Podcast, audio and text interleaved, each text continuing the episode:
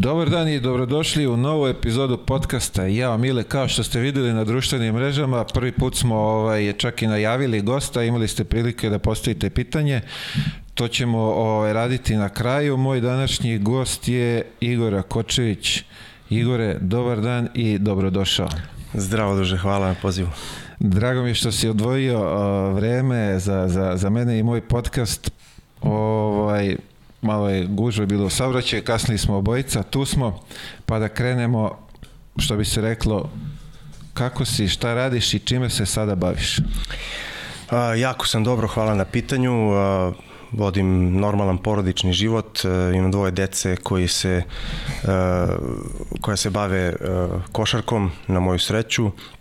A, ostao sam aktivan što se tiče treninga, a, ušao sam malo neke druge ovaj, sportove, više treniram borilačke veštine nego, nego bilo šta drugo, jer mi je to uvek bila neka ovako ljubav iz detinstva, svi smo odrasli gledajući filmove Bruce Lee-a, Van Damme i, i tako dalje i ovaj, imao sam želju to da probam i prijami. Uh, imam uh, firmu koja se bavi escape room sobama, Uh, to je zanimljiva igra za sve uzraste u kojoj recimo uđeš i istražuješ, rešavaš raz, razne zagonetke, imaš neke zadatke u saradnju sa prijateljima pokušavaš da pobediš sobu, odnosno da pobegneš iz sobe pre nego što se navrši 60 minuta. Zove se Pin Escape Rooms, ako bilo koga zanima. Ovaj, I u ovom trenutku u procesu mi otvaranje Akademije za usavršavanje a, bekova i playmakera, dakle spoljnih igrača. Ovaj, krajem leta ću krenuti sa tim radom za sve uzraste, za seniore, za najmlađe, za pionire, juniore. Ovaj, e, mislim da mogu dosta znanja da prenesem i ovaj, prija mi rad na, na terenu sa, sa, sa igračima. Ovaj, e, ne vidim sebe i dalje kao nekog trenera neke ekipe ovaj, i u tom smislu još nisam odlučen, ali za individualni rad i tako ovaj, i te kako sam se odlučio da, da hoću to da radim. A reci mi, gde će taj kamp da bude? Imaš ne, ne, neko mesto? Pa kako to biće, reći? biće u Beogradu, biće najvjerojatnije u Top Spin sali, to je kod Šumica ovaj, uh, i neće biti kamp, već će, biće individualni rad. A, samo individualno? Tako, aha, aha, tako okay, samo okay, sa jedan na jedan ili eventualno 3-4 igrača na terenu, tako da ovaj, otprilike tako će početi, pa ćemo vidjeti šta će iz toga da se rodi. Uh, reci mi, jesi zamišljao penziju ovaj, na ovaj način kao sad što živiš ili si očekivao nešto drugačije?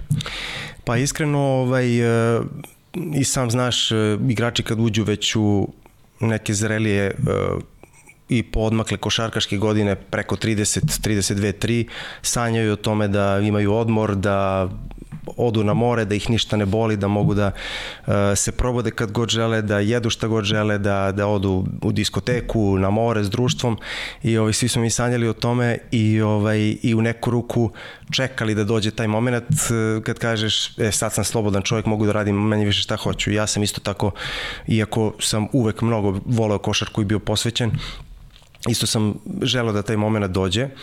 Ovaj, po završetku karijere sa 35 i po godina sam prestao da igram. Mogao sam još par sezona sigurno da odigram, ali eto, spletom okolnosti sam a, prekinuo. Ja sam doživeo taj neki a, period uživanja posle, posle karijeri. Mogao sam da bukvalno putujem da radim šta hoću, da, da, da ostanem budan dokle god hoću, da pojedem šta god želim i to je trajalo nekih šest meseci i onda je telo počelo da se urušava, jer e, organizam koji se bavi profesionalnim sportom 25 godina, kao što sam se ja bavio, je navikao na adrenalin, na obavezu, na neki hroničan bioritam i na ono što je najvažnije lučenje tih dobrih hormona za telo, za um pogotovo i, ovaj, i onda sam krenuo da se bavim naravno drugim sportovima kada sam se dovoljno oporavio, zalečio, odmorio.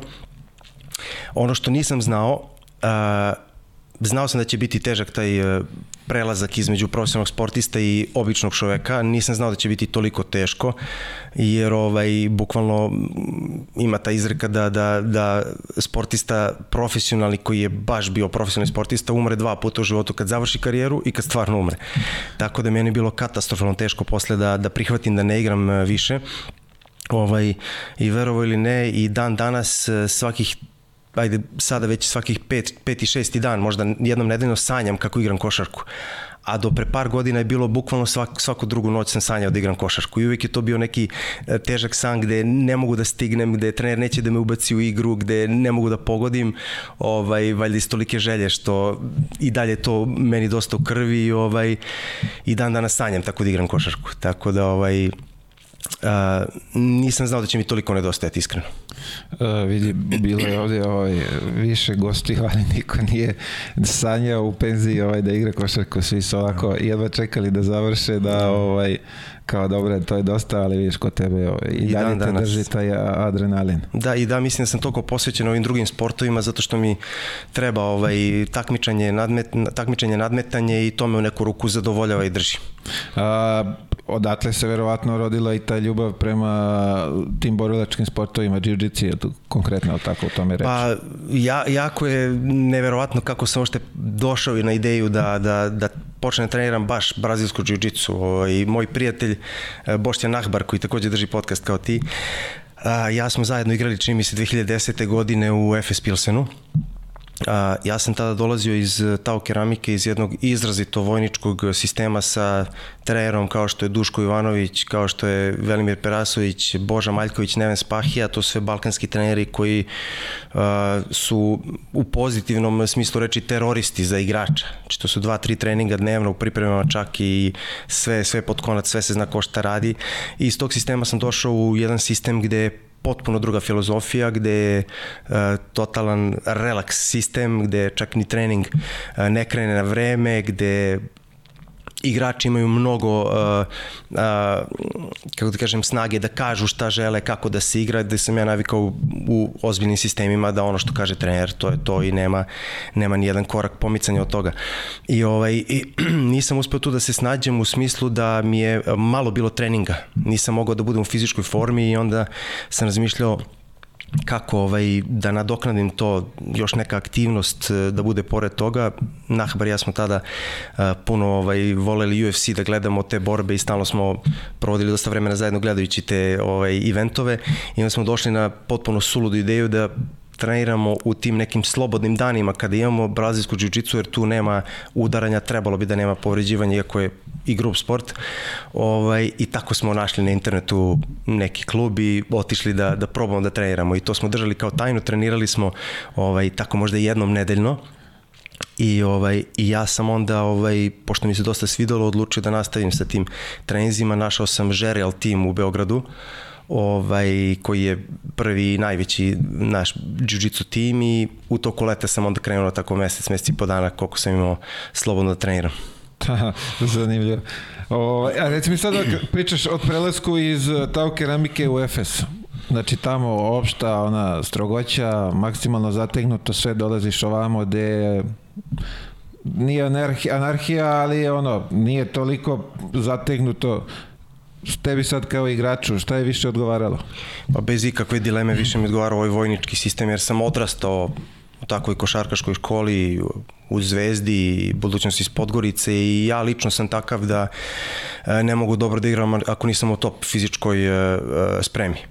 Tako da ovaj, meni je to dosta teško palo, pogotovo što sam imao najbolju sezonu života kod Duška Ivanovića gde se ubedljivo najteže treniralo Mi smo čak imali na tim priprema pred sezonu tri treninga dnevno pre doručka, posle doručka i onda posle, posle ručka. Tako da ovaj, e, bilo je jako teško, cele sezone si hronično umoran, iscrpljen, maštaš o tome da imaš dan slobodno, a nemaš ga.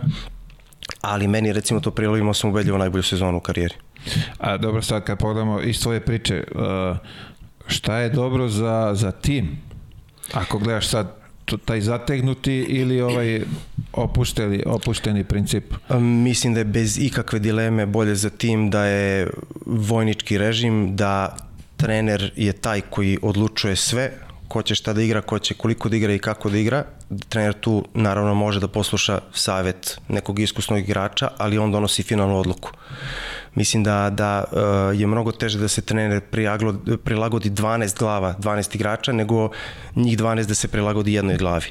Tako da ovaj, uh, postoji tu samo još jedan uh, element, jako je bitno da je ekipa koja ima taj sistem gde se izuzetno iscrpljujuće radi i ozbiljno, da ima veliki fond igrača Mi recimo u keramici smo imali 7-8 izuzetnih igrača i ostala četiri su bila, da kažem, malo slabijeg nivoa i zato smo znali da pred kraj sezone malo padnemo sa formom zbog iscrpljenosti, ali da ti imaš kao današnje, današnje uh, današnje ekipe, top ekipe u Euroligi imaju 12 vanserijskih igrača i maltene ne znaš ko je bolji od kojih. U takvom sistemu taj, taj ovaj način rada je perfektan. A sad kad, kad pričaš o tome, uh, podsjeti me, možda grešim, ti od kako si otišao, ta keramika je osvojila samo jednu titulu sad kad je uh, pobedila Pešića, ali tako? Tako je, Tao Keramika je uh, osvojila dve titule. Osvojila je godinu posle mog odlaska i, i protiv Barcelone ovaj, u doba korone kad nije bilo ni, ni publike, čini mi se.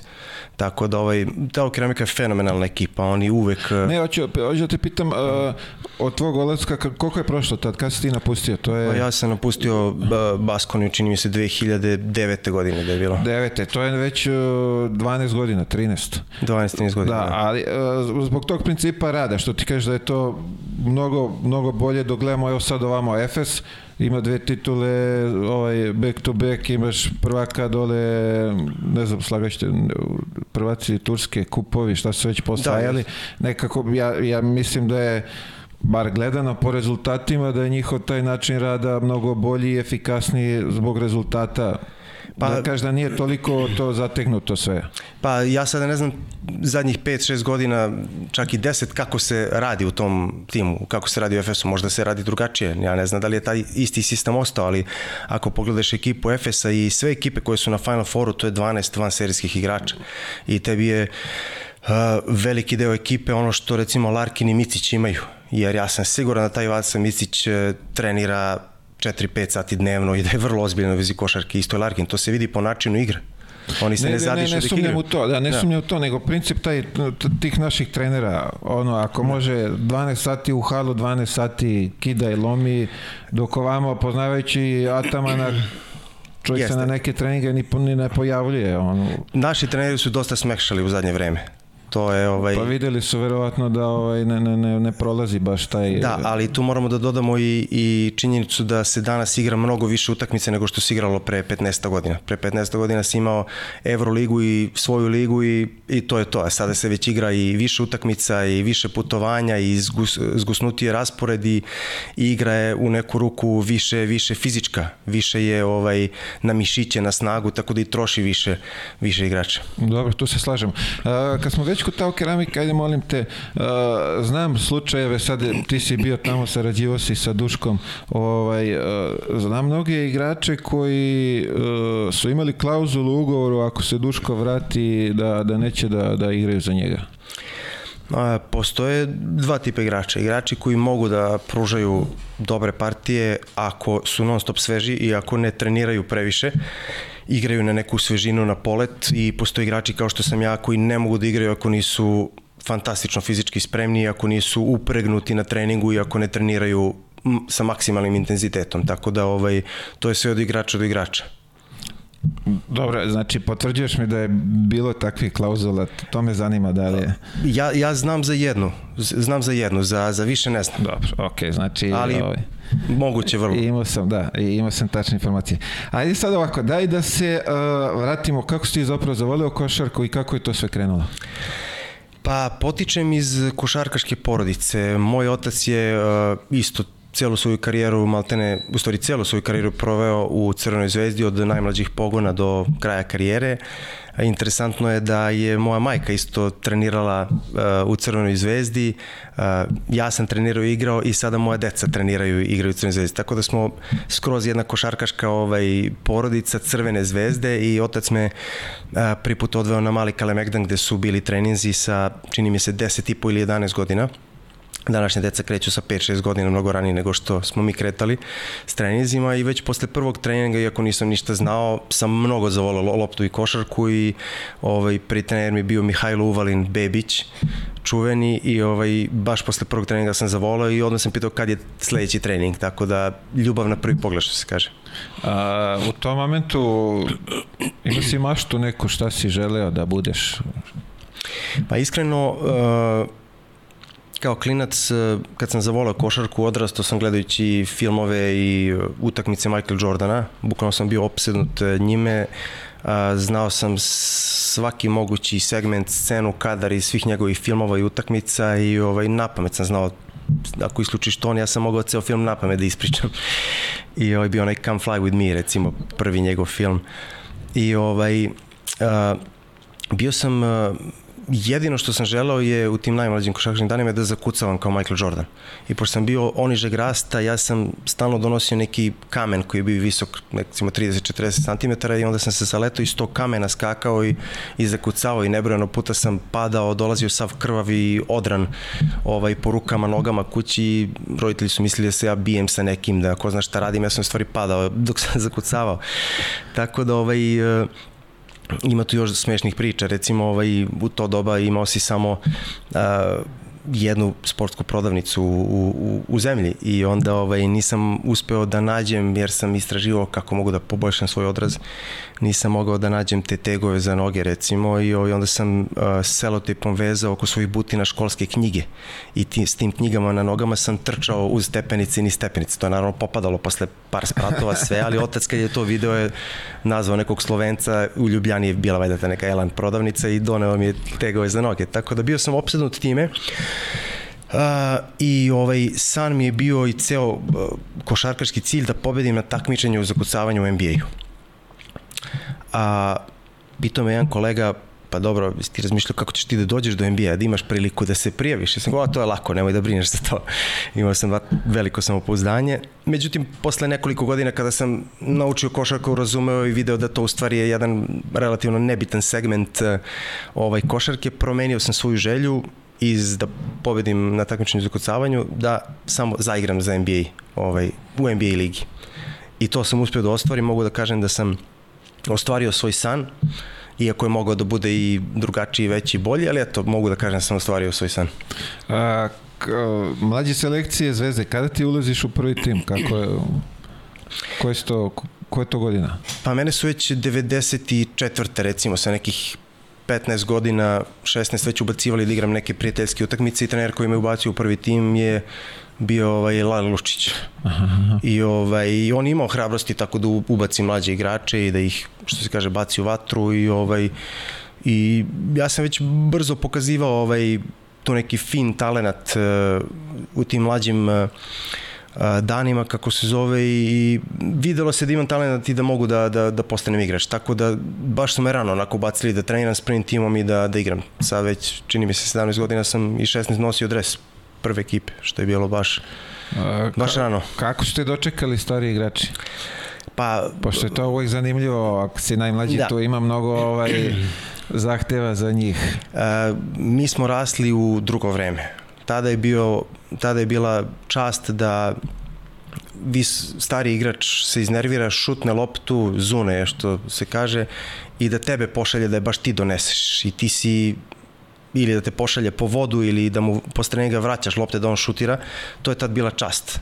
Tako da ovaj, meni nisu ošte teško padali ti zadaci i ovaj, prihvatili su me lepo, voleli su me zaista. Međutim, uh, mogu da kažem da sam u neku ruku uh, da ne zvuči egoistično, ali bio ispred svog vremena u smislu ne kvaliteta, nego u smislu načina igre i u smislu fizikalija. Jer ja sam odrastao gledajući Jordana i zakucavanja i tako dalje, a ako se sam sećaš, do neke godine napadi su trajali 30 sekundi da, da, da, i čak da. je bilo ovaj, a, potpuno uobičajeno da, da igrači prenose loptu hodajući, ne trčeći. To je danas nezamislivo. Tako da mene trener ubaci u igru, ja imam 15-16 godina u želji da igram i ja uzmem pun sprint i dođem tamo, okrenem se ono, nema nikoga još.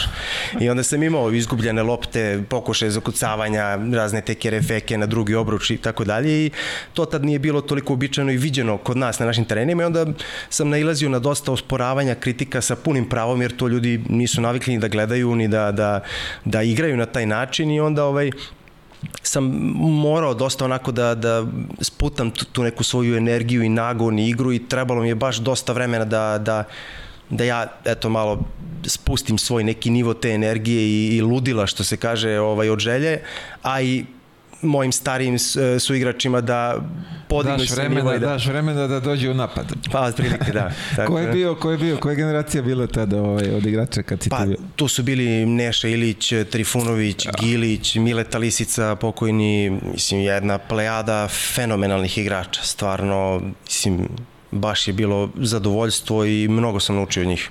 Čekaj, Neša Ilić ili ovaj, sa istim žarom ovaj, za jebanciju furo kao, kao i sada? Ili... Pa isti žar, isti žar, to je jedan toliko harizmatičan, dobar čovek da, da u, u svakoj ekipi želiš da ga imaš u svakom mogućem svojstvu, da li je igrač, da li je team menadžer, da li je šta god, ovaj, on je dosta me zezao, naravno, dosta me zezao i nervirao i ne mene samo, nego sve ovaj, mlađe, imao je on svoje te neke šale, bio jedan centar sada, ajde da, da ga ne imenujem, ovaj, Neše rekao Lale Tulučiću moram u toalet.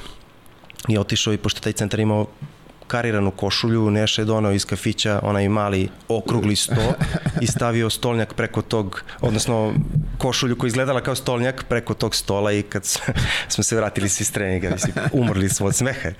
Ovaj, imao je te fore i ovaj, bilo je drugo vreme, toga više, to više ne postoji. Sada igrači imaju uh, određene parametre u ponašanju i u treningu ko moraju da ispune, to tada je bilo smatrano, da kažem, šmekerstvom i moglo je da prođe, danas više toga nema, ali ja, drago mi da sam video i taj deo. Da, dobro, to su starije generacije, sad se, ovaj, sad se verovatno to ne bi praštalo, ne bi praštalo u klubu. A, reci mi, prelaziš u budućnost posle Zvezde, a tamo se nalazi ako ne i najbolji sastav mogući u tom momentu Malte ne reprezentacija u malom je tada, tada bila dole, je tako? Da. A, u Zvezdi posle osvajanja titule dešavaju se, 98. dešavaju se razne promene, a, ovaj, dolazi neka struktura koja vodi klub, koja nije toliko bila košarkaški, da kažem, stručna i pokušavala je to neko svoje ajde da kažem, ne neznanje, nego nedostatak e, informacija i, i ovaj, iskustva da nadomesti šok terapijom. Sećam se, smo mi menjali trenere kao na traci. Bila je sezona kad je menjano i 5-6 trenera u toku sezone i sve je to bilo stvarno uh, katastrofalno loše uticalo na mlade igrače kao što smo bili Estratijević, Radmanović, Jova Stanojević, ja i ovaj, dosta je bilo teško ovaj, funkcionisati u takvom uh, sistemu. Meni je tu otprilike isticao neki ugovor i ovaj i uspeo sam aj da kažem uz veliko žaljenje da, da promenim klub, iako znam da su me ovi iz budućnosti mnogo puno želeli u, u ekipi i ovaj, tu sam uh, Zvezdi oprostio neki novac i tako dalje, nije to ni bitno, ali uglavnom bilo mi jako teško da promenim sredinu, jer sam mnogo obožavao i dan danas naravno svoj klub, ali tako je bilo vreme, Zvezda je potpuno ušla u neku tranziciju bez ikakve ambicije da, da, da osvaja titule i tako dalje i ovaj, dosta igrača je napustilo Ovaj, ja sam imao taj neki ugovor gde sam mogao da napustim i ljudi iz kluba su i sami došli i, i, i rekli da nema tih nekih ambicija, da nema razvijanja igrača i tako dalje i zajedno smo se dogovorili. Uh, ispostavilo se da je to bio ovaj, e, početak mojih fenomenalnih igara u budućnosti iz Podgorice, tu je bila super ekipa sa Topićem, Tomaševićem, pokojnim Harisom Brkićem, Saša Obradović, e, bilo je mnogo, mnogo, mnogo dobrih igrača i mene od samog starta Muta Nikolića, posle Bošte Stanjević stavio kao početnog prvog playmakera i ja sam srećom od, od prvog momenta igrao jako, jako dobro kad igraš s takvim igračima dosta je lako da se igra. Pa da, da. Kad imaš e, Topića na, na, koji širi reket i Tomaševića koji svaku loptu će uhvatiti dole kako god da mu je baciš i ti imaš više prostora i mnogo mi je lako bilo da igram u toj ekipi. To je bila legendarna ekipa, mislim smo dobili 51 utakmicu za redom ili 50 i onda nas je radnički iz Beograda dobio jedan razlike ovaj, u Beogradu. To je bio kraj te zlatne serije. A vi ste tada posvojili sve, ali tako što se piče Jugoslavije, da? Tako, da, to je bilo, da. Nije, nije, nije imao niko da, da vam parira tu ovaj, u tome. A reci mi sad ovo, tranzicija, ti se seliš od kuće, to je ono, ajde da kažemo prvi put, ti odvajaš se, kako to utica? Mislim, jezik je isti, sve je isto, ali opet nisi, nisi kući, nije to to. Kako ja sam bio dosta, dosta uplašen, uh, ovaj, ali uh, moji koreni su iz Crne Gore, meni je uh, otac i majka su mi rođeni u Srbiji, ali deda je rođen u uh, Bijelom polju i pradeda u Pavinom polju i mene su tamo dočekali na najlepši mogući način. I dan danas kad odem u Podgoricu i tamo doživljavam stvarno lep neki odnos sa ljudima, tako da ja sam bio uplašen, menjam ekipu, menjam grad, prvi put odlazim od kuće kao klinac od 19 godina i ovaj, međutim tako su me lepo dočekali i publika i ljudi da, da posle 5 dana sam već bio svoj na svome. A, posle toga draft, jel tako? Jesi, u stvari, to te pitam, a, ti si draftovan, jesi išao ti na, tamo na, na workoute ili kako, kako to izgledalo? Išao sam na, na pre-draft kamp u Čikagu, igrao sam utakmice, išao sam po... A u tom momentu je bilo ono jedno okupljenje, nije bilo od kluba do, do kluba? Bilo je od kluba do kluba i posjetio sam određene klubove i ovaj, a ovaj bio taj pre-draft camp u Čikagu, ne znam da li dan, dan danas postoji. Mislim da nema to više. Da, da, da, se, se igraju utakmice i 7-8 dana traje razni psihofizički testovi i ovaj vidi u to vreme 2000-te nije bilo lako biti draftovan i nije bilo lako ući u NBA. Danas deluje mi da je košarka mnogo više globalizovana i da su Amerikanci konačno videli da Evropljani te kako mogu da igraju dva puta sa redom naš čovek MVP. Mislim, i bekovi. U ono vreme je bilo za, za beka ili playmakera izuzetno teško da se probije i da dobije šansu da igra u, u NBA-u, jer je najveća moguća konkurencija baš na tim niskim igračima, jer prirodno u svetu imaš mnogo više ljudi koji su 180 do 195 nego Tačno kao tako. ti 210 ili o, i više. Tako da ovaj, e, draftovan sam u drugoj rundi i ovaj Minnesota me dve godine e, posle toga čini mi se potpisala A gde si bio na, na, na, na ovaj workoutima? U kojim klubima si bio? A, bio sam u Indijani, bio sam u Čikagu, bio sam u Washingtonu i još u par klubova, ali ne mogu da se setim sada. A nešto zanimljivo odatle, ili imaš da nam izdvojiš?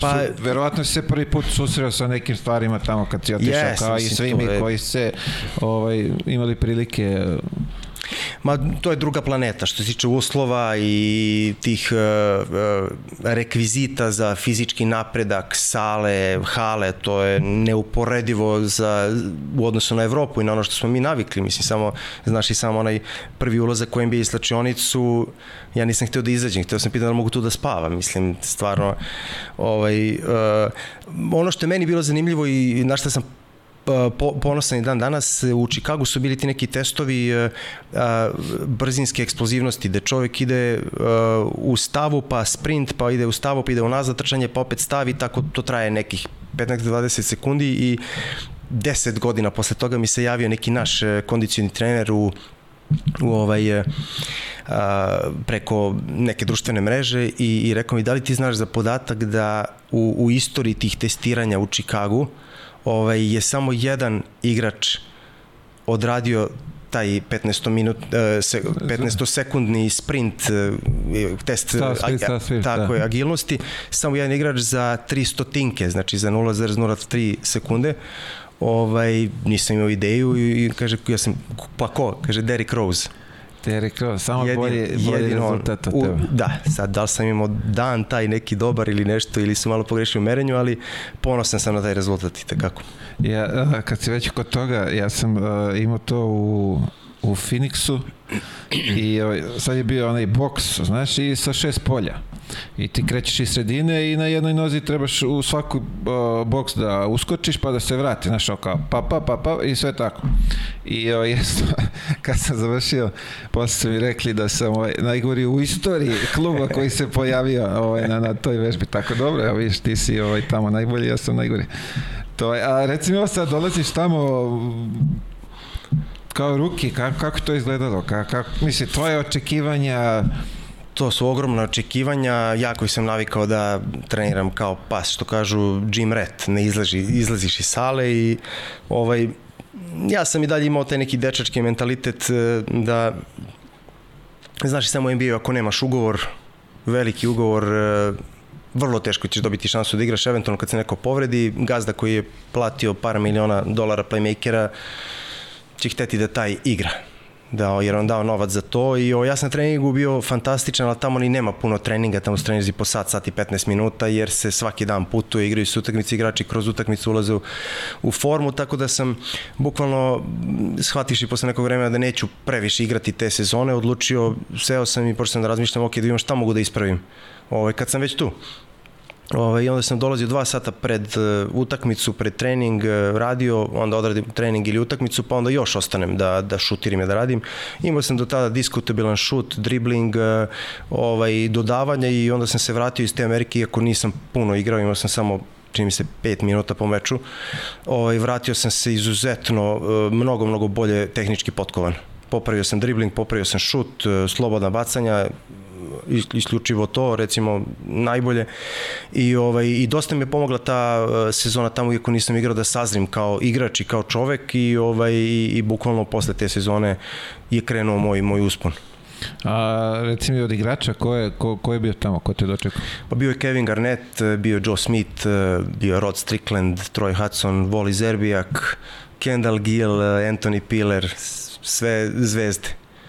Ovaj, lepo su me dočekali, voleli su me jer sam, videli su odmah startu sam ljut što ne igram, ali ne na ekipu, na trenera, nego jednostavno razočaran, ali pokazujem to radom na terenu. I onda recimo Rod Strickland koji je jedan od najboljih playmakera u istoriji, ovaj, on mi je dosta pomagao savetima, ovaj, onako smirivao me i uveravao me da će mojih pet minuta doći, gde god, tako da on, me, on mi je dosta pomagao i ovaj i recimo Garnet eh, koji ima onako prgav karakter, ali je takav radnik da je to neverovatno. Znači, bukvalno, što kažu za njega, svaki dolar koji je dobio je zaradio i stvarno svaki trening odradi maksimalno i uh, možda te voli, ne voli, ako si sa njim u petorci na, na terenu, on će da pogine za tebe. Stvarno je pravi profesionalac. A recimo kao ruke ste maltretirali i išli slali po one krofne i ona čura? Morao sam da donosim da. Krispy Kreme eh, krofne, čini mi se pola sezone. Ali je došao još jedan ruki pa smo podelili ovaj, taj posao, ali nije bilo teško, bilo mi bukvalno pored kuće, znači samo siđem, uzmem i donesem.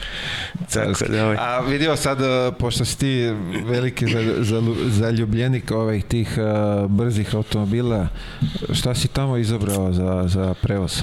Tamo sam, uh, nisam imao para, bio sam dosta siromašan jer sam morao budućnosti iz Podgorice da ceo moj NBA ugovor isplatim. A imao si obeštećenje od njih? Imao sam obeštećenje jer sam imao dve godine, tri godine ugovor i, i klauzulu da ako napustim posle druge godine da mogu da idem samo u NBA i samo uz to da platim veliki aha, novac. Aha, aha, okay, veliki okay, novac i ja ovaj ja ovaj, sam bukvalno ceo svoj ugovor što sam zaradio NBA, to je tad nije bilo previše, morao da platim budućnosti iz Podgorice i ljudi su tamo bili korektni iz budućnosti, čak su mi oprostili ovaj jedan mali deo, ali su oprostili i dan danas sam zahvalan na tome.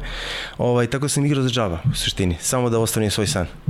Tako da sam imao Mitsubishi Pajero, neki polovni ovaj, džip eh, Eto, Vidi, pošto tamo, ovaj, ne znam koliko ljudi znaju, velike ove zime i veliki sneg, ovaj, sem džipa ništa nije moglo da, da funkcioniše?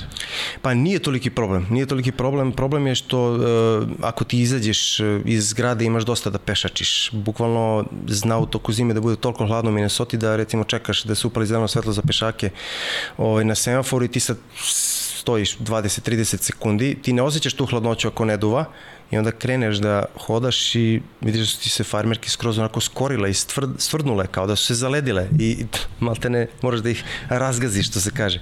Ove, ali ceo grad e, Minneapolis je povezan tim vazdušnim tunelima i ti bukvalno skoro sa jednog do, do, do kraja do drugog kraja grada možeš da dođeš kroz te vazdušne tunele koji povezuju zgrade sa zgradama. Tako da ovaj snašli su se oni da prevaziš Vidi, to. toga se ne sećam, ali znam kad, kad smo gostovali tamo da sam izašao iz autobusa i kao Santa Leda da me udarila ovaj, u grudi temperature 38. Razbolio sam se istog momenta kad sam izašao. Pošto kao avion, autobus ispred hotela i ja kako sam izašao, pjas. Nisi bio spreman. Nisam bio spreman na to. Ovaj. A reci mi sad, posle toga povratak u Zvezdu drugi put. Tako je, ovaj, e, bio je to veliki, kako da kažem, korak unazad što se tiče lige, ekipe, jer ipak iz NBA vratiti se u ovaj, e, Srbiju u Jadransku ligu je u neku ruku korak unazad, ali ovaj, a, sada kada vratim film, to je najbolja moja odluka u, u karijeri koju sam doneo. Imao sam ja tu ponude i nekih o, i drugih evropskih ekipa, ali nekako sam imao želju da osetim tu atmosferu da te ekipa puno želi, da te publika želi, da, da igraš, da si bitan u ekipi i ovaj, imao sam sreću da je tu trener bio Zmago Sagadin koji je tip trenera uh, o kojima smo pričali na početku razgovora, košarkaški terorista i meni je to super odgovaralo. Uh, sam posle treninga sa klincima od 14-15 godina da vežbam dribling i tehniku. Ja koji sam bio najstariji tada u ekipi sa 24 ili 25 godina. Tako da ovaj, uh, to mi je bila prekretnica u karijeri. Uh, imali smo jako, jako dobru sezonu, osvojili smo onaj legendarni kup sa tri produžetka u... Svećam se, bio sam učesnik. U Novom Sadu i ovaj, bili smo blizu čak i da imamo dobru šansu da osvojimo titulu, ali je zbog nekog incidenta na tribinama u, u Vršcu prekinuto polufinale. Ja sad ne znam ni tačno šta se to i kako izdešavalo. Kad, kad si igrač skroz je fokusiran na teren i ovaj, zna da je bila opšta neka frka i da se prekinula, mi smo baš bili u uzlaznoj putanji što tiče forme i trebalo da se sastanemo s Partizanom u, u, u finalu i mislim da smo tu imali dobru šansu da i tu titulu osvojimo i da ovaj da napravimo fantastičnu sezonu, ušli smo na Final Four ovaj, ove Jadranske lige takođe, izgubili smo polufinalu. I toga se sećaš, i toga se sećaš ovaj, gde sam ja igrao 40 i nešto minuta imao... Tako biše, biše na pro, dva produžetka, ne, pa, produžetak, nešto je bilo... Mislim da je bio jedan produžetak i da sam ja... 110, 100, sledeći te sad, da, ne, ne sjećam da. tačno rezultata. Bila su neka razna bacanja, ja sam imao katastrofalan dan što tiče slobodnih bacanja. Ovaj, Inače ti koji, koji sam, da. Ne, nemaš i to, da. Da, da, da, tako da, ali... Imali smo dobro, znači, ovaj, strategiju. Dobra je bila strategija, da. tako da, ovaj, eto, neg, negde ti, kako da kažem, imam prijatelja, ovaj, uh, Vujčić Nikolu, veliki čovjek i veliki ovaj, košarkaš, trenutno je GM uh, Makabija. Igrao sam sa njim uh, jednu, jednu godinu. On ima ovaj, zanimljivu filozofiju. Ja sam ga pitao šta je najbitnije u karijeri u košarci i on mi je govorio da imaš sreće. Tako da ovaj, negde ti se ta sreća oduzme, negde ti se da, recimo mi smo na sreću na, naravno veliko srce i veliku želju i borbu, ali i sa dosta sreće pobedili FNP u, ovaj, u, u Novom Sadu za taj kup, a onda smo stvarno imali manje sreće na tom uh, Final Fouru Jadranske lige. Moglo je da bude obrnuto. Tako Ali svakako tako je. Uh, bitno je da smo na, na sva tri takmičenja bili, bili vrlo blizu da osvojimo ili smo osvojili. Tako da ta sezona je bila ključna ovaj, za mene. Ja sam izuzetno napredovao posle te sezone i posle toga sam krenuo da igram uh, u, u Španiji. A, sad me zanima samo, uh, tvoj povratak iz Amerike u Zvezdu. Uh, to je malo i psihološki moment e, opet se vraćamo vamo iz ove lige. Kako si ti to prevazišao?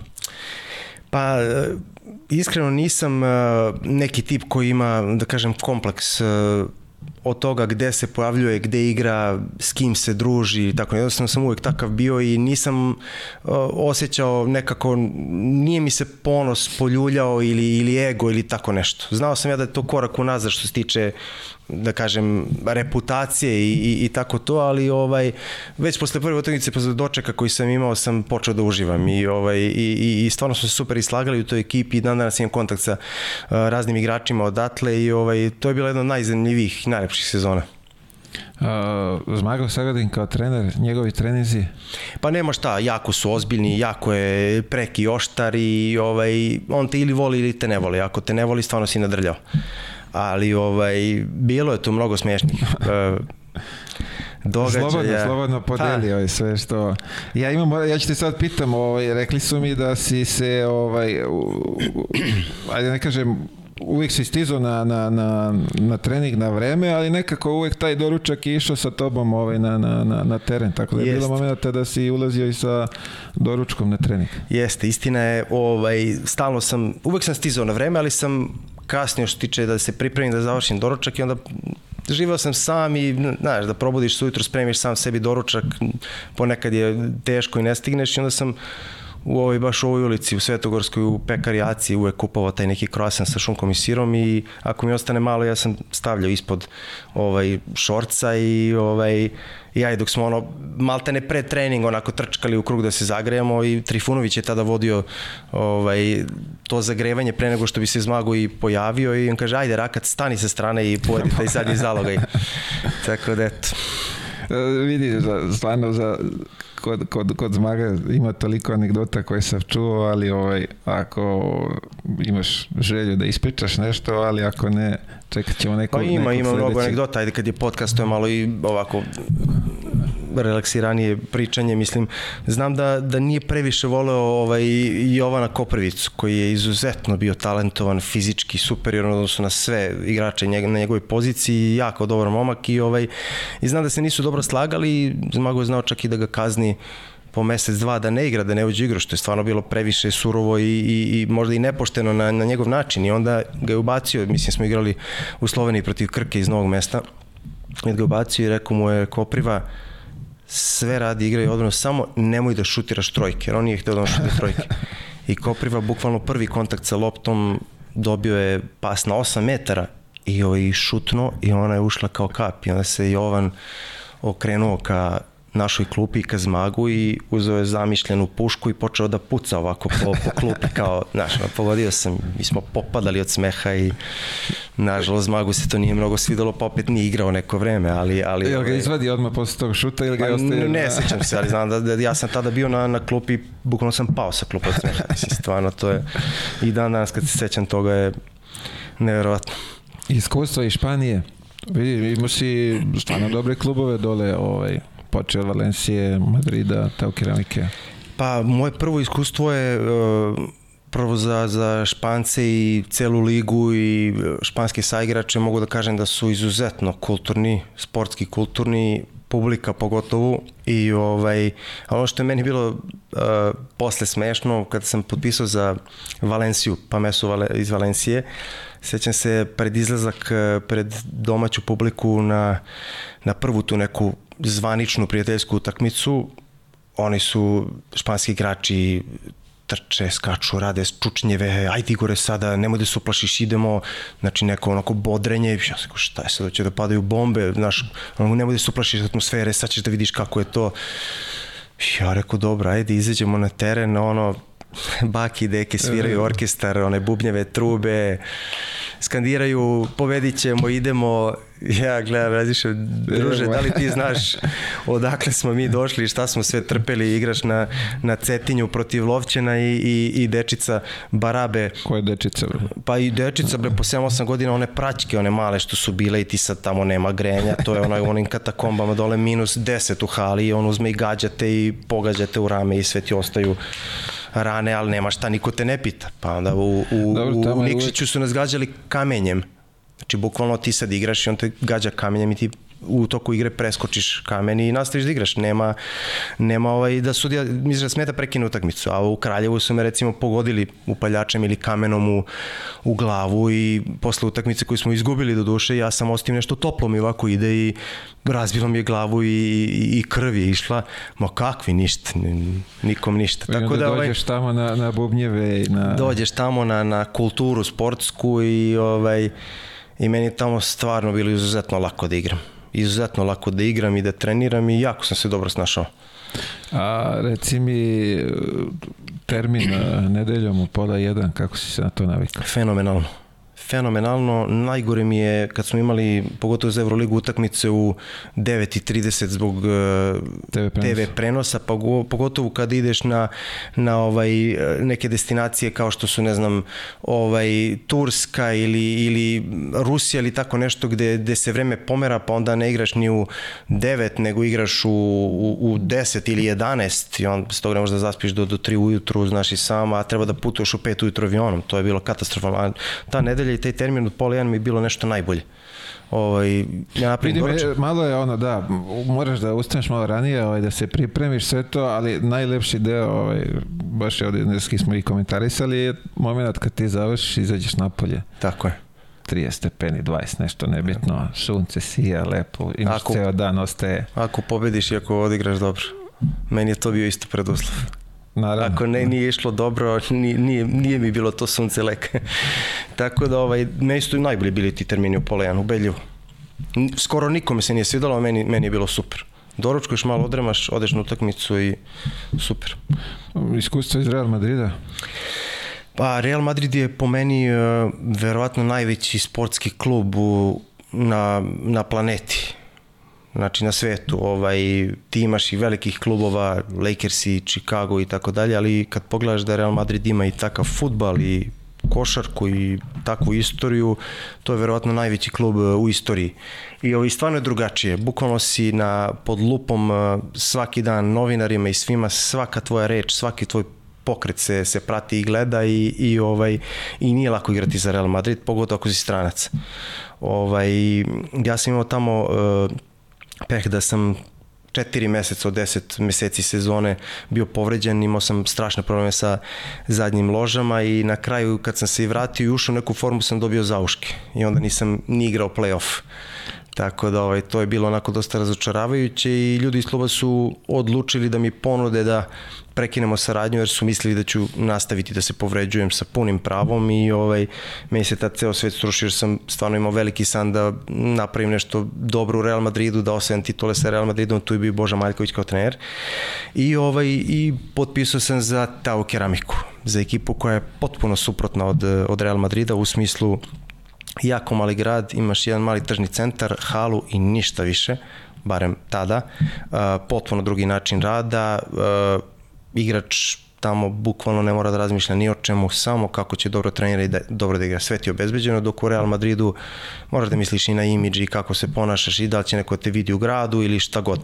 Tako da ovaj, bilo mi jako teško, bio sam dosta razočaran, ali na kraju se ispostavilo da je uh, to nešto najbolje što je moglo mi se desiti u karijeri, da ovaj da potpišem za, za Tao keramiku. Pa vidi, svi tvoji individualni uspesi su tamo, ovaj, odatle je počelo, tako, ako sam ja dobro ispratio, Euroliga, prvi strelac, Da, dva... Sve odatle nekako kreće. Pa, što se tiče tih individualnih, da, dva puta sam bio prvi strelac Evrolige za Tao keramiku, za Baskoniju, jednom za FS Pilsen, tako da, ovaj, grad e, koji živi za košarku, klub e, gde imaš e, tri čoveka koji sve vode, koji su 30 godina u košarci, koji su Kerheta i sami igrao košarku i koji te kako dobro znaju sve i, i ovaj a, oni su voleli naš mentalitet jer su imali uvek Argentince u ekipi kao što su Oberto Scola, Nocioni i taj tip igrača koji su isto, Argentinci su dosta slični nama, imaju uh, dosta ovaj, kako se kaže, vatre u sebi i dosta, dosta jaku krv što se kaže i takvi su na terenu i ovaj i ceo sistem je takav bio da se žele takvi igrači koji igraju pod napadnom, pod adrenalinom i publika se tako košarkaški potkovala i ovaj zato sam se ja isto tamo dobro snašao.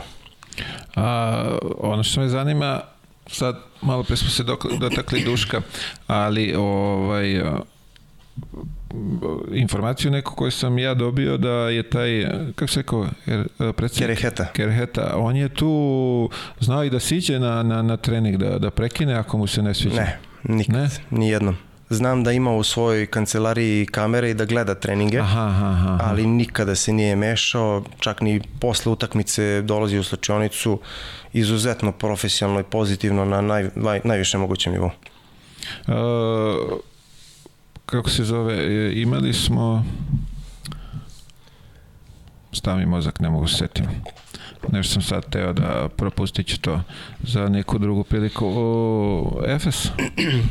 Efes već smo pričali na početku o tome, e, potpuno drugi svet, potpuno drugi način e, treniranja igranja, nešto u čemu se ja prvu godinu uopšte nisam mogao da se snađem i ovaj, tek sam počeo da pokazujem svoju pravu igru kad je Per Asović došao u FS Pilsen aha, moje druge aha, godine. To sam bio prvi strelac Evrolige i, i fantastično smo igrali, ali ono što kažem recimo isto velika količina loše sreće uh, u najbitnijim momentima kada smo uh, igrali to doigravanje za ulazak na Final Four, što je bio apsolutni cilj uh, ovaj, ekipe. Meni se izvrnuo L4 pršljen i morao sam tri nedelje da ležim u krevetu, tako da nekad imaš sreće u karijeri, nekad nemaš. Eto, ja nisam u tom Efesu imao sreće i da se razumemo, tamo ima puno dobrih ljudi i poštenih ljudi i, i a, ja nikada ne želim da pričam negativno o njima zato što oni imaju drugi sistem razmišljanja i drugi mentalitet. Jednostavno oni funkcionišu tako,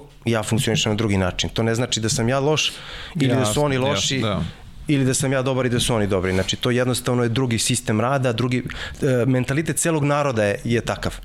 Mislim, ti imao si, barem kad sam ja tamo igrao, gde je vozač autobusa dođe i kasni 20 minuta, ti ideš na utakmicu. Mislim, to je nezamislivo u, kod nas, mislim, trener bi uzeo i udavio bi tog vozača, ali tako? Možda zamisliš kod nas da vozač autobusa koji je neki random lik e, koji je dobio angažman da nas vozi, ovaj, zakasni 20 minuta, mrtav vlada.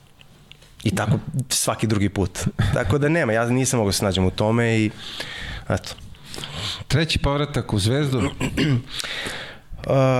treći povratak u Zvezdu je bio najslađi. Uh, u toku karijere bez bilo kakve neke želje da se ja nekome dodvorim ili da nekoga naterim da me voli, ja sam samo inicijativno ovaj, obećao ljudi, ovaj, navijačima Zvezde, publici, ali ono što je još bitnije, sebi sam obećao da ću dati sve od sebe da se, dok još sam u nekoj dobrim košarkaškim godinama, da ću se vratiti i odigrati ovaj, makar još jednu sezonu u Crnoj zvezdi i to se ispostavilo, ovaj, dosta ljudi mi je govorilo, ja sam pre toga igrao za Sijenu, uh, Montepaski Sijene, osvojili smo titulu Italiji i dalje sam bio u odličnoj fizičkoj formi i svi su mi govorili pa jesi lud, gde ćeš da se vraćaš kod nas, da te pljuju, da te vređaju sa tribina, pro, protivnički navijači, da šta ja znam, bacaš blato na svoju karijeru, idi reko gospodin igre negde u, u inostranstvu, ali ja sam obećao sebi i želeo sam zaista da se vratim i nije bilo lako.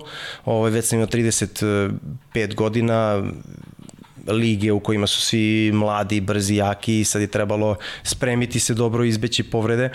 Ovaj, Ja sam se vratio i ovaj i spletom okolnosti bio je pun pogodak za mene. Osvojili smo kup posle šest godina i ono što je najbitnije a, plasirali smo se za, za uh, Euroligu i to je ta činjenica sama po sebi donela klubu i bolju finansijsku konstrukciju i sponzore, ali ono što je najbitnije te sezone je da smo uspeli da vratimo publiku od eh, par hiljada, hiljadu i po, dve hiljade, dve i po hiljade ovaj, navijača i publike na, na utakmicama u Pioniru, mi smo imali pred kraj 6 i 7 hiljada i sledeće sezone isto. Tako da to je bilo baš dobra sezona za, za sve.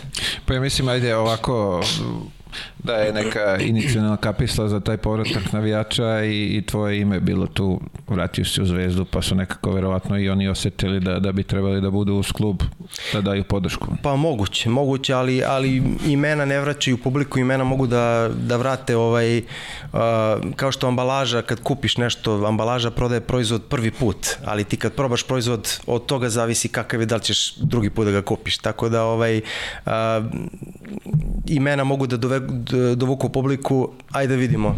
Došli su, vratili su se, da vidimo na šta to liči, ali mi smo našim igrama i odnosu prema dresu vratili publiku. A, tvoje očekivanje od te sezone, a,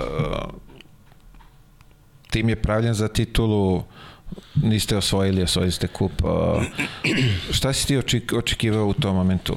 Ti si bio lider, lider tima. Da, ja sam bio ubeđen da ćemo uspeti da osvojimo ovaj i Jadransku ligu i da ćemo imati dobru šansu da, da ovaj, pobedimo Partizan u tom finalu. Partizan je u tom momentu imao strašnu ekipu sa ovaj, Lovernjom, sa ovaj, Gagić je bio na centru, Musli bio na centru, znači tri stvarno ogromna igrača. Imao si Bertansa koji je ovaj, NBA igrač, imao si Westermana koji je igrao fenomenalno, Bogdana Bogdanovića, imao si uh, Milosavljevića i još Lučića, mislim, stvarno fantastična ekipa, mi smo se onako skupili kao nova ekipa i uh, mi smo početkom te sezone, uh, čini se dobili Partizan posle ko zna koliko godina, tri puta za redom. I stvarno smo imali njihov broj, što se kaže, znači, ali već malo pred uh, kraj sezone, tamo neki april, desilo su se i promene u Zvezdi, novi trener, novi sistem i bilo je tu nekih, hajde da kažem, ovaj, grešaka sa svih mogućih strana ovaj, i, ovaj, i jednostavno mi smo se tu malo pogubili, izgubili formu, izgubili identitet i na kraju uspeli da se izborimo za, za ovaj Euroligu što je bio osnovni cilj sezone, ali nismo uspeli da stavimo tačku na i da baš završimo sezonu da bude legendarna. Ali ono što je najbitnije, kamen temeljac je postavljen bio za, za sledeće godine i uvek želim da kažem da smo baš mi ti igrači koji smo učestvovali u toj sezoni, Vuk Radivojević, Raško Katić i ostali, ostali igrači ovaj, baš pomogli klubu da, da se vrati na staze stare slave, što se i u sledećem godinama pokazalo. Tačno tako. Uh, moment neki u toj karijeri koji ti je teško pao, da, da, da, si, da, da si došao u neki, neki da kažem, u razmišljanje uh, da prekineš, je li bilo takvih momenta? Nikada nisam imao nikakvu ideju da, da, da prekinem, ni pomisli na to, bilo je puno razočaranja u toku karijere zbog nekih poreza, zbog nekih e, nepravdi i obično boli kad se doživi neki neuspeh i kad si ti optužen da si deo tog neuspeha s pravom ili bez prava, ali to su stvari koje na kraju krajeva ti daju ogromno iskustvo i koje te ojačaju. Ako znaš da ih prihvatiš na taj način i da da ima i ovakvih i onakvih ljudi i da ima i neznalica i da ima sveznalica sa punim pravom, ovaj, naučiš u toku karijere pred kraj do duše da filtriraš i da ti je bitno samo ovaj, informacije od nekoga ko daje relevantne informacije, neko ko ima iskustva i ko ima ekspertizu o, o tome čemu priča. Jasno.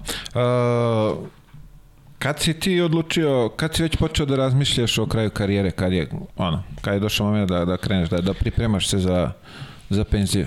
Pa nema šta, ja sam obavio par razgovora sa nekim od naših najvećih igrača i moje pitanje je bilo kad već osjetiš da dolazi taj moment kraja karijere, da li treba forsirati i nastaviti da igraš dokle god možeš ili treba prekinuti gde i drugima naj, najbitnije sam sebi ostaješ u, sećanju kao jedan od najboljih igrača ovaj, podeljeno je bilo, njihov odgovor je bio podeljen. Neki igrači su mi rekli, ma igri dok god te noge nose, M ne može da se zaradi nigde ni blizu toliko, M će ti biti posle žao.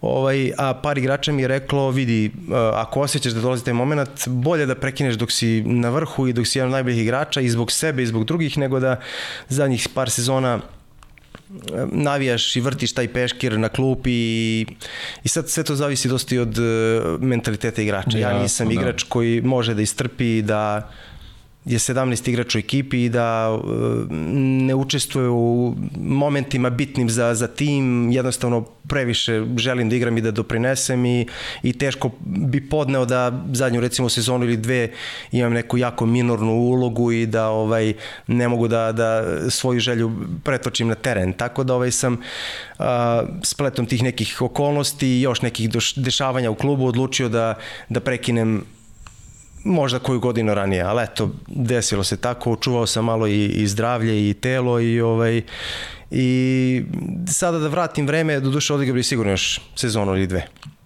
I dalje te da, ta I drži. dalje drži, ovaj, je, se stvarno fantastično fizički osjećam i, i, ovaj, i mogao sam još sezonu dve da odigram, ali u neku ruku, ajde da kaže čovjek i da je dobro da sam i drugim i sebi ostao u sećanju kao jako kvalitetan igrač, a ne kao neko ko igra 2-3 minuta i Tačno, ovaj, služi samo kao, kao podrška mlađima. Tačno tako, e, jesi imao plan šta ćeš posle raditi?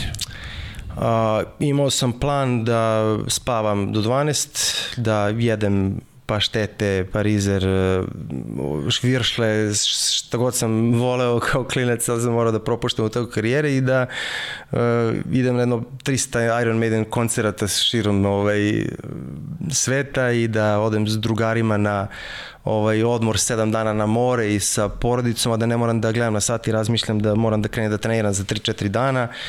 I ovaj, ali to me držalo, kao što sam rekao, 6 meseci. Nauživao sam se stvarno i onda sam se vratio.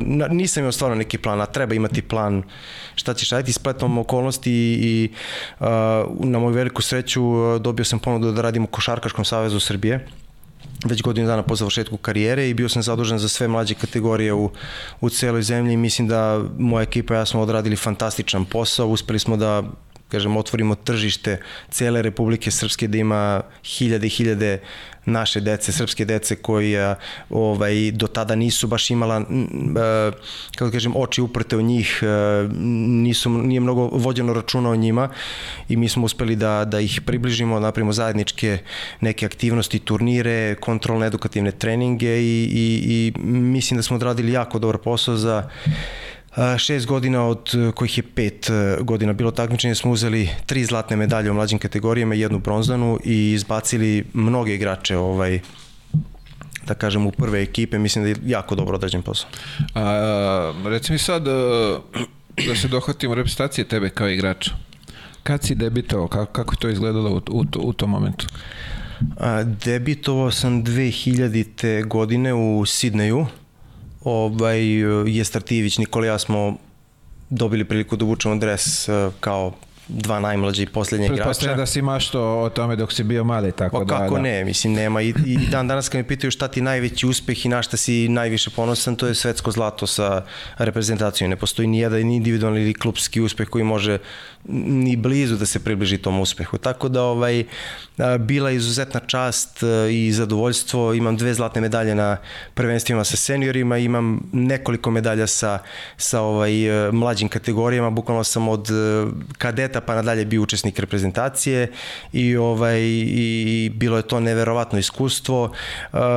nisam imao previše seća u reprezentaciji u smislu da sam ja počinjao da igram i ulazio u najzrelije godine baš tad kad je bila smena generacija i kad je potrebno, što se vidi sa svakom smenom generacija, par godina da, da ovaj, uh, se, kako da kažem, šrafovi nameste na pravo mesto da se napravi kostur ekipe i ja, spletom okolnosti sam bio u toj tranziciji kada su ovi najjači, najbolji igrači odlazili kao što su Stojaković, Bodiroga, ovaj, Divac, Gurović. Dobro, ali si bio, bio deo te ekipe tad kad, su, da. kad se osvajalo. Jeste, ali nisam imao neku iskreno veliku ulogu. Igrao sam, imao sam priliku i da igram to finale protiv Argentinaca i tih 7-8 minuta sam ok igrao, ali, ali ovaj, nisam imao neku sad bitnu ulogu da bi mogao da se hvalim i da pričam, eto ja sam sad u reprezentaciji ovo ili ono. Nisam imao, ali sam svakako i tekako počastvovao da sam bio deo ekipe i da sam doprinao koliko god mi je bila pružena šansa. A, recimo sad, ti si bio učesnik i 2005. ovde, je li tako? Da. A, šta se desilo tada? Pa kako, to je... Kako se, mislim, šta se izdešavalo sad to? Da, to je večito pitanje i postoji jedna jedina i gola istina ovaj, e, o tome je to da smo imali 12 e, zvezda u ekipi i da svako od tih igrača je sa pravom želeo da bude među glavnima i, i, i da ima veliku ulogu i e, nekim igračima je jako teško palo ako nisu bili u tom momentu u, u najbitnoj rotaciji i bilo je mnogo malo vremena da se sklope kockice i da se igrači naviknu na svoje uloge i oni koji imaju veliku ulogu i oni koji nisu imali veliku ulogu, jer ako pogledaš imena koje smo imali te 2005. to je bilo neverovatno. To je all-star ekipa. Ovaj, imali smo opet i tu lošu sreću u toj utakmici sa Francuzima gde smo isto i tekako mogli da pobedimo i onda da u areni igramo četvrt finale, polufinale i finale pred 25.000 naših ljudi. Mi smo igrali u Novom Sadu gde je atmosfera bila poprilično tiha i mirna i ovaj jednostavno izgubili smo tu utakmicu, onda se otvaraju razne špekulacije, ko se ko izlazi u grad, ko ne izlazi u grad, ko je kasnio na trening, ko se posvađao, ko se nije posvađao, sve to potpuno irelevantno u svakoj ekipi, siguran sam da i to znaš, ima i svađa i netrpeljivosti i predivnog drugarstva i podrške, ali to je jednostavno među ljudima u firmi, ispred zgrade, u ekipi normalno. I ako ti pobediš i osvojiš titulu, niko ne pominje Tako je, to. niko ne pita za to. Da. Niko ne pita i ispada da je sve bilo savršeno, a ako ovaj, uh, izgubiš, onda ispada da je sve najgore. Pa Tako čak da... i Indijana isto je bilo problema, na kraju osvojila se Absolutno. titula, niko ne pita šta se izdešavalo i zašto Tako se izdešavalo. To sam da. baš i hteo da pomenem sada, bukvalno cela sezona, što kaže Željko Bradović uvijek kaže, cela karijera zna da ti stane u jednu loptu. Tako da eto, mi recimo mogo je da se sudi faul divcu kada ote onu loptu na, na, na centru trenera, čini mi se Konekiniju ili kome god, i da mi izgubimo tu utakmicu, znači jedna lopta. I odmah bi bilo drugačije. Tako, Tako da, je, to je da. sport. To je sport. A, imali smo prilike zajedno da budemo i 2006. 7. ali tako? Šeste, šeste. Japan. To je malo onako nekako ču- čudna selekcija bila, totalno čudna.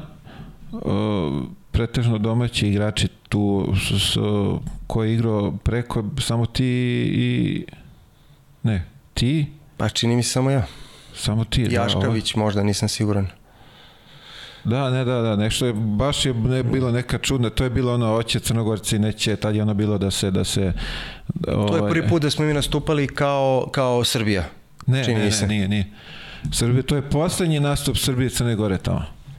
Aha, 100%, da. Dobro. Jer je bilo, sećam se bre, ja mislim Srbija Crna Gora nam je ja pisala mislim da na... nije. Ja mislim da je bila prva ovaj, da je samo Srbija nastupala. Je li bio isto na gore neko? Čini mi se da ne. ne Pa, mogu se Ja mislim da je to bila prva. Ali, ali i dalje je bila himna Hej Slovenije, bre, nije bilo uopšte Bože pravde. Da. Kako god, ono što je bitno u, u, u, na tom takmičenju je da je bila potpuna smena generacije, da su bukvalno klinci ušli da, da igraju. Ja sam to opet bio najstariji igrač i ovaj, bio sam kapitan reprezentacije. Sećam se smo imali jako lepu atmosferu i muziku u slačionici pred, pred trening i sve. I ovaj, ali smo ovaj, imali, ako sećaš, mi smo i Špance koji su bili tad sa Gasolom i tako, mi smo dobili njih uh, na, u, Argentince na, u pripremnom periodu recimo i to Tako 20 je. razlike, igrali smo fenomenalno bili smo od korenja sezone, ali onda smo izgubili par ključnih igrača, povredio se Jorović, povredio se Aškrebić, povredio se Nik, povredio se čini mi se i uh, Cvetković u toku sezone i bukvalno smo otišli na to prvenstvo kao putujuća bolnica, kao Golden Da, State da, nekada. je to, da, I onda smo tamo imali pet ili šest igrača, a ovaj a tako smo bili bili blizu da napravimo ovaj senzaciju. Bukvalno da smo ostali u, u okupu sa sa priprema, ja sam siguran da bi tu došli do medalje i napravili neverovatno iznenađenje. Da, da, si smo- počistila tamo Španija, ali tako u... Španija u čet- čet- četvrt finalu ili osmini finala, da, da. a ovaj recimo s tim Argentincima smo na jednu loptu igrali. da. Tako da Ne, ono što je meni ostalo uh, i dan danas je kad igraš to neko prvenstvo ovaj, u nekoj drugoj zemlji koja nije košarkaška, to je jedna, sta, jedna ovaj, strana hale, sve su Japanci, Da. Jedni, jednima su podeljene zastavice Srbije, drugima Argentina i ovi tamo kao Argentina, ovi Srbija, nema, nema, nema dodirne tačake sa, sa svetskim prvenstvom uopšte, nema, nema šta je osjećaj da si na svetskom prvenstvu. Ma dobro, Japan je zemlja za sebe, oni su potpuno druga dimenzija, druga u svakom mogućem smislu i mentalno i što se tiče običaja i ovaj, ali dobro, nije bilo loše. A, kako vidiš Euroligu sledeće godine? A, nisam siguran da li će biti nekih promena, da li će, kome će biti data licenca, ja bih voleo da se proširi, jer mislim da Balkan, uključujući sve te bivše a, zemlje, odnosno republike stare Jugoslavije, zaslužuju da imaju dva predstavnika. To je bilo stvarno lepo da, da Jadranska liga dobije dva predstavnika. E sad, ovaj, mislim da će biti izuzetno kvalitetna, košarka se dosta promenila u poslednjih 15 godina, mnogo je više fizička, nema više igrača koji su slabi, spori, ovaj, kojima nešto nedo- nedostaje na, na fizičkom nivou. Ovaj, samo možda pogledaš po tome da, da krila trojke, ovaj, takozvane, to su sad igrači od 2-5, 2-7 koji su zveri a nema više igrača koji su, ima, ima jedan koji je mali, a igra na svojoj poziciji, to je Larkin ali toliko brzi takav šut ima da može da se pruče s time. Znači više nema slabog atleta u ekipi i, i igra je sad mnogo više na fizičkom tom akcentu i mnogo više ima stranaca. Mnogo više ima stranaca. Bukvalno Efes sad ne znam tu da li je imao koliko je imao domaćih 7, 8, igrača. 9 stranaca i par domaćih igrača, tako da ovaj, meni se to ne sviđa, meni se više sviđa da ekipa ima svoj identitet, da ako igraš protiv, ne znam, Olimpijakosa ili, ili neke druge ekipe, Real Madrida, to ono što mi sviđa kod Crvene zvezde, recimo danas imaš naših 7, 8, 9 igrača koji igraju i koji su najbitniji u ekipi, imaš par stranih igrača koji pomažu i, i koji doprinose, ali kostur ekipe vode naši igrači i to je stvarno lepo videti i to se dugo nije videlo kod, kod ovaj, neke, da kažem, ekipe koje učestvuju u Euroligi. Imamo taj, Zvezda ima taj identitet. Nadam se da će to i da zadrže u budućnosti. Uh, gledali smo derbi, bio si prisutan i ti i ja na, na, na, na ove dve utakmice. Uh, me sad zanima ovako, tvoje mišljenje. U slučaju da ABA Liga dobije dva predstavnika, Da li bi se tenzija smanjila između Partizana i Zvezde u ovim finalnim serijama? Pa bi do nekle.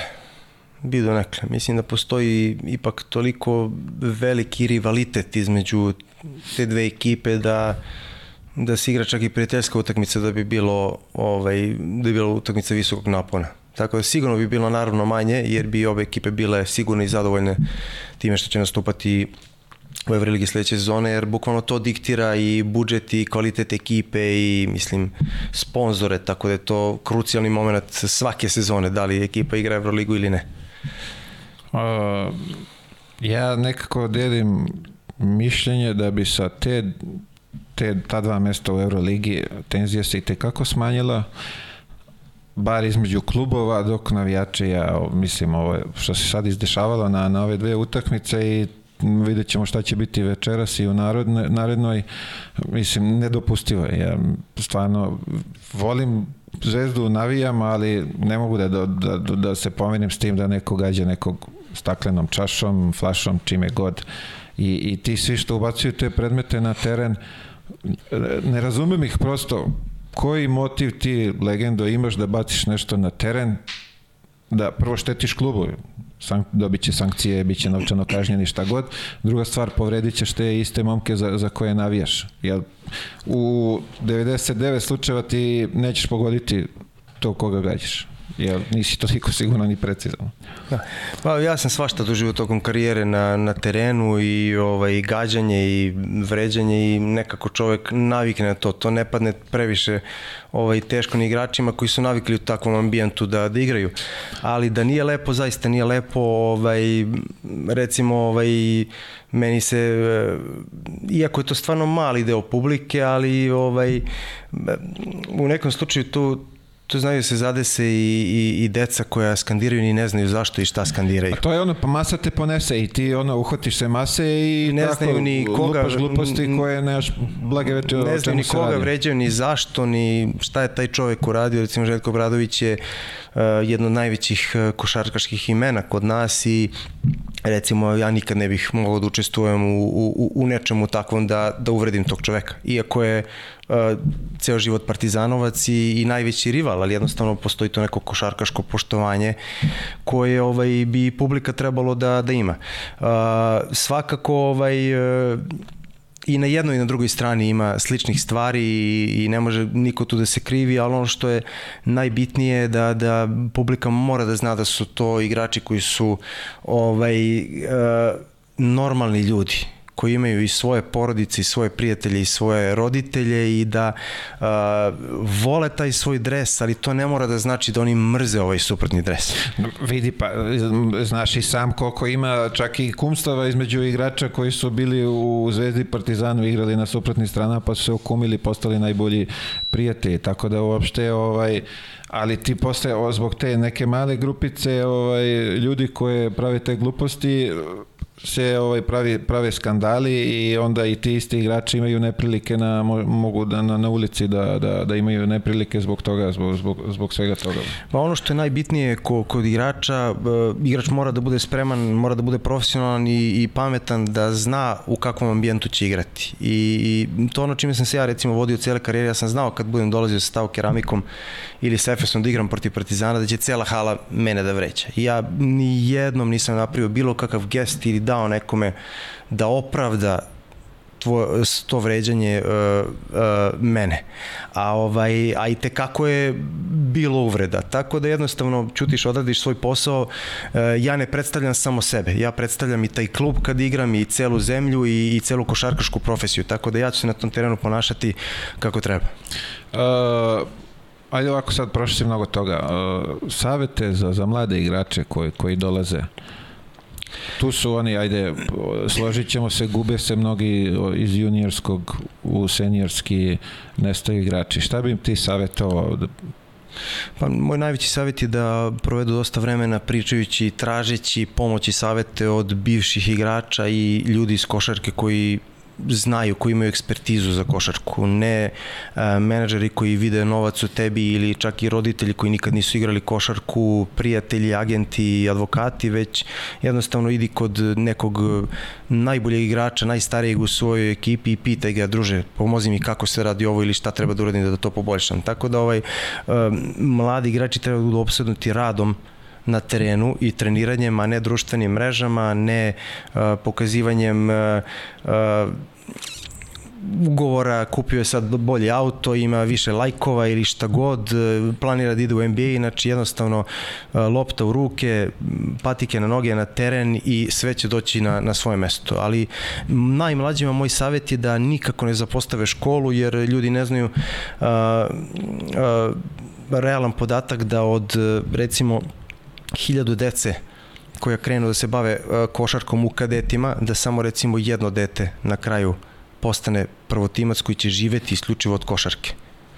Tako da ovaj evo naša recimo realnost je e, imao si imali smo kadetsku reprezentaciju čini mi se 2017 17. godine koja je osvojila bronzanu medalju su fantastično izgledali iz te ekipe sad samo par igrača ima neku da kažem, ulogu u seniorskim ekipama i pitanje koliko će igrati i da li će igrati. Tako da je, a to je kadetska reprezentacija. Da, znači, da, nije da, to, nije to klub, da. Znači, izuzetno je velika konkurencija i, i, i igrači uvek moraju da imaju plan B, a u stvari to treba da bude plan, plan A, da, da, da, da završe školu, da ako ne uspeju košaci da mogu da se bave nečim. Da imaju e, to sad hoću da te pitam, uh, ako bi imali mogućnost ovaj, da, da, da se školuju, da idu na, na koleđ, ili da ostanu ovde da probaju neke karijere u, kako bi... A, cijela moja filozofija dok sam radio u Košarkaškom savezu uh, je bila da uh, pokušam da odvratim našu decu od odlaska ovaj, u inostranstvo, da li je to Italija, da li je to Španija, da li je to Amerika? I ovaj i cela filozofija nam je bila da ponudimo našoj deci najbolje, najbolje moguće uslove za trening i za rad i, i da svako dete, da li ono rođeno u najmanjem selu u Srbiji ili u Beogradu, ima istu šansu da obuče dres reprezentacije i istu šansu da učestvuje na tim edukativnim kontrolnim treninzima, tako da ja ne mogu da posavetujem deci da, da, ovaj, da idu negde ovaj, a, jer bi se to kosilo sa onim što sam radio šest godina. Ovaj, mislim da naša uh, košarkaška škola daleko bolja od koleđ američke uh, škole, da je daleko bolja od bilo koje italijanske, španske, turske ili grčke škole, tako da ako hoćeš da košarkaški napreduješ, ipak je najbolje ostati ovde. E sad, razne su prilike, e, ekonomska situacija zemlje, neko ko ode u Ameriku sa uh, uh, scholarshipom, sa stipendijom i ima priliku da dobije dobro obrazovanje i posle tim da se vrati i da radi kod nas, ni to ne možeš da osudiš. Ali ako Tako čisto je. košarkaški razmišljamo, ovde je najbolja škola. Ok. Evo vidi ovako, uh, ti si prvi ko sa ovaj, koji otvara ovu rubriku. Uh, imamo tu nekih pitanja od gledalaca, pa ćemo se truditi do tebe, hoćeš li odgovoriti, nećeš odgovoriti, ja ću ti ovaj, uh, pitati, ti ako nećeš idemo dalje. Uh, nema ih, u stvari ima, 15 A, da ispričaš ljubav prema japanskim automobilima, kako se to desilo? Pa, ne znam, iskreno ovaj, imao sam neki uh, BMW M6 koji su mi spretom okolnosti ukrali ovaj, ispred zgrade i ovaj, i drug mi je posle toga, nisam znao šta posle toga koji auto, da, iako sam imao sreće da mi osiguranje isplati ovaj, tu štetu, imao sam veliku sreću, ali nisam znao šta posle toga bi niste da kupujem više automobila koji mogu da se ukradu i, ovaj, i jedan drug mi je rekao, pa pogledaj ovaj Skyline Nissan GTR tako sam došao do te ideje i eto, kupio sam. Tako da, ovaj, jedno kad sam seo taj Nissan GTR, nisam, ovaj, nisam više menjao i kupio sam najnoviji model koji je izašao 2017. Manje se krade, znači, tražiš ove automobile koje se manje krade. Pa imam sve moguće zaštite koje postoje, tako. Uh, kako je uspio da se povrati posle povreda koje je imao? Oporavak. Pa nema šta, moraš imati e, dobre fizikalne terapije i ono što je jako bitno moraš imati strpljenje, jer obično trener i doktor e, ekipe želi da te malo preko granice pogura da se što pre vratiš, ti doktori su pod pritiskom, znaš i sam da vrate igrače što pre u pogon. E, izvini, ovo je sad dobro, Boki Nagbar je bio prošli uh, ovde i rekao mi je da ovaj Elpa ima sad ovaj kao doktor second opinion, znači ti možda ideš kod svog više, ne može ovaj da te forsira da se vratiš. Boki je napravio veliku stvar što tiče Elpe, uh, izborio se za prava igrača, izborio se za mnogo, mnogo bolji status igrača. Jedan od primjera je kada si na gostovanju u hotelu, sam si u sobi, što je neverovatna prednost jer uz dužno poštovanje ako imaš sa igrača koji hrče celu noć i ti ne sklopiš oko zbog oči zbog toga nijedan minut kako da igraš sutra utakmicu recimo svako voli da ima taj neki svoj mir kad se priprema ovaj, i taj second opinion da ako imaš sumnje u svog doktora imaš pravo da doktora LP Evroligaške asocijacije igrača da priupitaš za njegovo mišljenje i to je stvarno dobra stvar. Uh, šta nam je ovde sledeće? Uh, anegdotu vezano za Maidene? Pa šta šta ja znam, ne pada mi sad baš ništa ovaj, na pamet e, neka anegdota. A, a, misli na početak kako sam krenuo da slušam, verovatno na to misli. Pa, 94. godine e, imali smo kadetsku reprezentaciju u Engleskoj, igrala se neki turnir, ja sam tada imao slomljen šaku, međutim trener je ovaj, odlučio da me povede sa ekipom jer sam e, bio tu među najtalentovanijim i želeo da budem tu, da budemo iz ekipu, da gledam utakmice, ali nisam mogao da treniram i onda sam iz dosede dok su oni ovaj, imali neke obaveze ili spavali, prošetao do omanjeg grada i ušao u neku veliku prodavnicu, tad su bila one ploče, kasete, Walkmani i tako dalje. I ovaj, na TV-u je bila Metallica ovaj, najčešće mainstream i ja sam među tim kasetama našao Metallicin album, onaj Enter Sandman je bio, čini mi se um, hit i kako sam rukom krenuo da uzmem tu, ovaj, tu kasetu, pojavio se neki čupavac skroz u, u kožnom modelu i, i stvarno ovako istina zvekno me po ruci i ovako pokazao no, no, no, take this. I pokazao mi je na, na Iron Maiden ovaj, kasetu Somewhere in Time je bio album. Ja sam malo bio uplašio, mislim neki stari dolazi tu čupavac oko sa u crnini, ali ja ga poslušam. Kupio sam i Metallica, kupio sam i Iron Maiden i kupio sam Live After Death, ovaj isto album, e, na kaseti. I ovaj, kupio sam Walkman i u povratku autobusom stavim Walkman, preslušam prvu pesmu, bila je Caught Somewhere in Time, tako se zove prva pesma sa, sa tog albuma.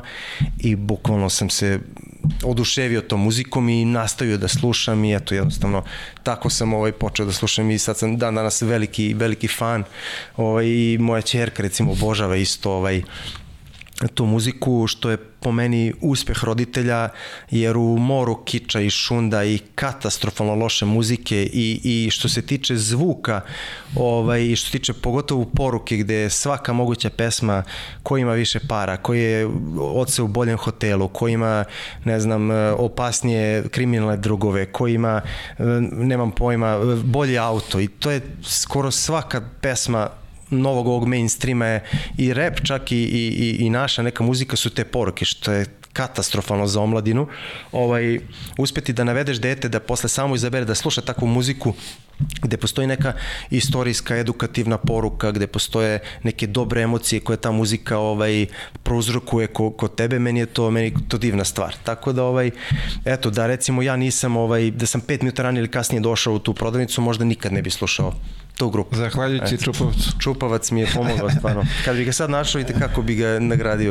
Uh, ovako ovde, uh, čekaj, čekaj, e ovde ovako malo neko, ajde da kažemo, provokativnije pitanje. Uh, zašto si upravi KK dok je na čelu čovjek za koga si rekao da ga mrziš? A, mislim to uopšte nije istina, ja ne mrzim nekoga, uspešan čovek nema mržnju ni prema kome, tako da idemo dalje. A, idemo dalje. A, najbolji saigrač sa kim si igrao?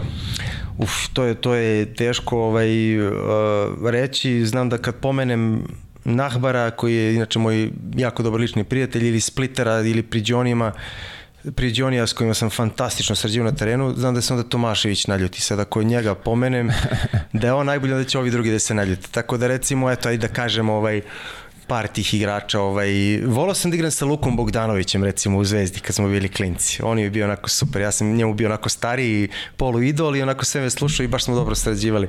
Ovaj, ali mnogo, mnogo je bilo kvalitetnih i dobrih igrača, ali ajde da kažem šta ja znam. Uh, Splitter Tomašević, Priđoni recimo, Mirza Teletović isto. Ovaj, A, Mirza. Mirza, mislim, ne, mnogo ih je bilo. Ne, sad sam sigurno izostavio nekoga i izvinjavam se unapred. A, protivnički koji je ostavio najbolji utisak na tebe? Bilo je mnogo fantastičnih igrača. Uh, uh, Recimo, ovaj, Luis Bullock je bio jako, jako Wow. težak da se odbrani kao mačka, izmigulji se, šutne, ti sve misliš stigao si, on ti šutne u, u, u lice i da trojku. A najviše problema u odbrani mi je pravio Charles Smith, ovaj, koji igra sa mnom u Efesu, ali dok igrao za Real Madrid, jer je ovaj, našao način kako da me čuva i trebalo mi je dosta vremena, par utakmica da uspijem da se prilagodim na to i da nađem način da, da mu se suprotstavim. On je e, dosta viši od mene, jako je dugačak i eksplozivan. I on bi se udaljio dva metra od mene i puštao me da šutnem, ali je stizao to i ovaj i, i stvarno prvih par utakmica baš mi je napravio užasan problem i on mi je bio najteži za, za, za savlađivanje u napadu. Saigrač iz Minnesota s kim si se družio? Družio sam se sa Rašom Nesterovićem, uh, družio sam se sa, sa ovim Volijem Zerbijakom i, ovaj, i Rod Strickland mi je dosta pomagao, ali naravno prirodno najviše sam se sa Rašom družio. Uh, dobro, ovo smo već pričali je, u Savezu šta si imao da sprovede, što je ovo Da, za mlade igrače. Tako. približavanje Republike Srpske. Uh, ko se od naj, najbolje saigrača iz reprezentacije našao u Escape Room? Ne znam ko je igrao od, od igrača. Znam da ovaj Radmanović voli da igra Escape Room. Ovaj, dobro se snašao u mom Escape-u. E sad ne znam, ovi su svi manje više malo stariji i nisu prilično zainteresovani ovaj, da igraju Escape Room. Ali igrala je Milica Dabović recimo ovaj, kod mene Escape Room i svidelo se dosta. Uh, razlika između sad ovog penzionerskog života i, i profesionalnog? Pa mislim, uh, mnogo manje oči uprto u tebe, imaš mnogo, uh, kako da kažem, uh, nezavisni mod odlučivanja šta ćeš da radiš, gde ćeš da ideš, gde ćeš da putuješ, kad ćeš da treniraš, ovaj, živiš mnogo slobodnije i nezavisnije. Uh, par reči o brazilskoj džiu-džici. Pa, ovaj, to je sport, eh, kako bi jasniti u par reči, sport koji eh, omogućava slabijem protivniku da pomoću tehnika savlada jačeg protivnika bez toga da ga povredi. Tako eto. omiljeni UFC borac. Pa najviše sam volio Andersona Silvu i ovaj Conora McGregora, ali obojica su se pred kraj karijere ovaj više Anderson Silva da kažem izglupirali malo i počeli da podcenjuju malo protivnike i ovaj ali recimo najbolji mi je mislim da najbolji svih vremena je John Jones. Ovaj a, a drugi mislim da je Khabib Nur- Nurmagomedov. Da li bi odradio neku amatersku borbu MMA? Pa u suštini bih, ali, ali neću to ovaj, odraditi jer ovaj, ipak sam sportista, košarkaš i želim da tako ostanem upamćen. Ovaj, takmičio sam se u brazilskoj jiu ali MMA je ipak malo ekstremniji gde ima udaranja i nekih ružnih, ekstremnih scena i Da, ne ne. ide mi nekako da ja budem ovaj u tome. Uh, duel sa Iversonom, jesi imao duel sa Iversonom?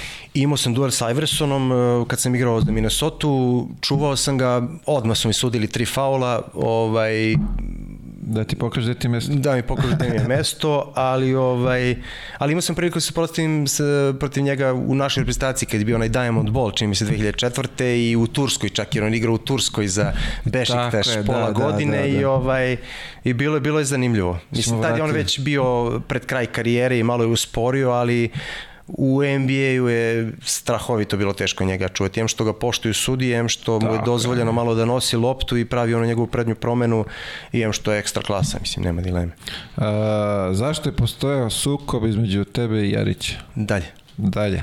Uh, imali smo ovako pitanje Spominjao Savanović, uh, koliko je bitan selektor u- reprezentaciji gde su sve vrhunski igrači?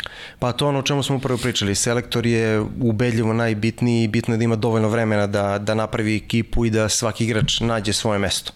Zato po mom mišljenju je bitno ne samo u reprezentaciji nego u svakoj ozbiljnoj ekipi da, da imaš 7-8 nosećih igrača i da su zadnjih 3-4 igrača juniori ili neki igrači malo slabije klase koji su samim time što su tu presrećni i samim time šire dobru energiju i, i pozitivu, a ne neki igrači koji žele da igraju više i misle da treba da igraju više i onda svojom, svojim nezadovoljstvom kvare atmosferu. Igore, to je bilo to. Hvala ti još jedan put na izdvojenom vremenu što si ovaj, udostojio me da, da budeš moj gost. Dragi gledalci, hvala i vama na, na izdvojenom vremenu da nas slušate, na, na pitanjima koje ste postavili. Budite i tu sledeće nedelje. Budite uz kanal. Mislim da ćemo i za sledeću emisiju praviti ovo sa, sa, sa pitanjima. Pozdravljam, želim sve najbolje. Prijetno.